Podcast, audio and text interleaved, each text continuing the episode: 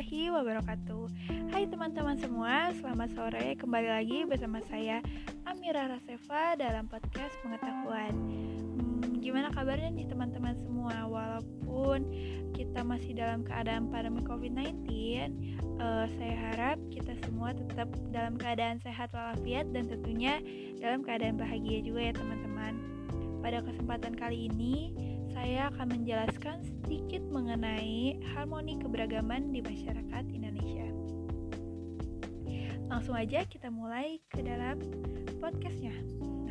Teman-teman, kita patut bersyukur kepada kehadiran Tuhan yang Maha Kuasa karena ditakdirkan dan dianugerahkan kondisi wilayah tanah air yang terbentang dari Sampang dari Sabang sampai Merauke, maaf, letak geografis yang berada di jalur lalu lintas perdagangan internasional antara benua Asia dan benua Australia, serta di antara Samudra Pasifik dan Samudra Indonesia.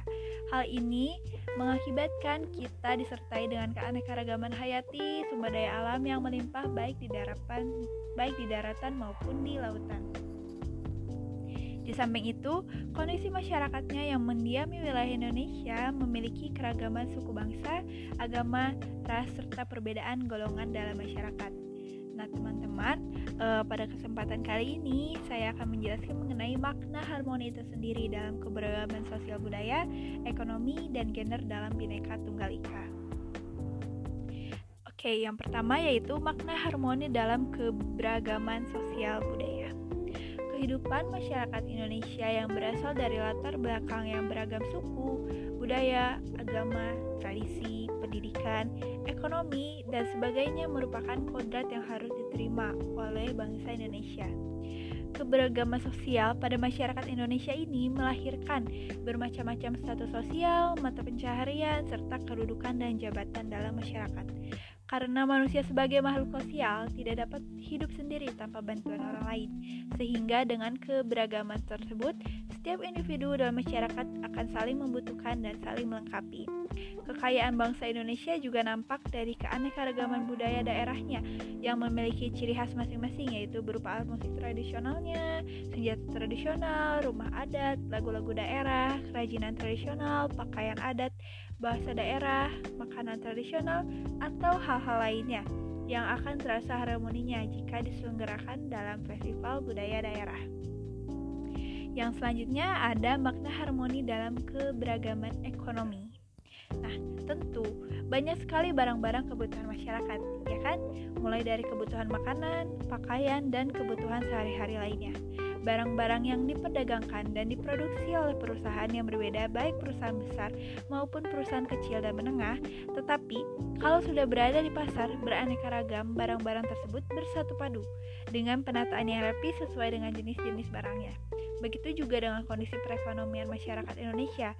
Beraneka ragam sesuai dengan tingkat penghasilan, pekerjaan, jabatan, maupun latar belakang pendidikan yang ditempuhnya sehingga taraf hidup masyarakat pun berbeda-beda ada yang berkecukupan maupun ada juga yang kurang mampu. Namun keharmonisan antar anggota masyarakat yang berbeda ini pula harus dapat dipelihara oleh bangsa Indonesia sendiri. Kita masuk kepada yang terakhir nih teman-teman, yaitu makna harmoni dalam keberagaman gender. Ternyata ada juga ya keberagaman gender ini harus diharmonikan, yaitu secara harfiah. Gender berasal dari bahasa Inggris yang berarti jenis kelamin. Gender merupakan suatu sifat yang melekat pada laki-laki dan perempuan. Gender menunjukkan pembagian peran, kedudukan, dan tugas antara laki-laki dan perempuan berdasarkan sifat-sifat yang dimilikinya. Kesetaraan gender makin berkembang bukan hanya perlakuan yang adil berdasarkan ciri-ciri fisik antara laki-laki dan perempuan, tetapi mengarah kepada kompetisi kemampuan akademik atau keahlian yang dimiliki dari setiap orang dalam kehidupan masyarakat, tanpa membedakan jenis kelamin baik laki-laki maupun perempuan, memperoleh kesempatan yang sama untuk berperan serta dalam berbagai bidang kehidupan dan pekerjaan. Oke teman-teman, mungkin cukup sekian yang dapat kita bahas di podcast kali ini.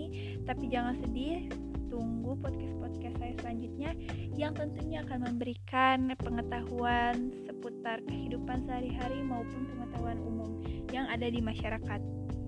Uh, jangan lupa follow Instagram saya di @amirahrasefa.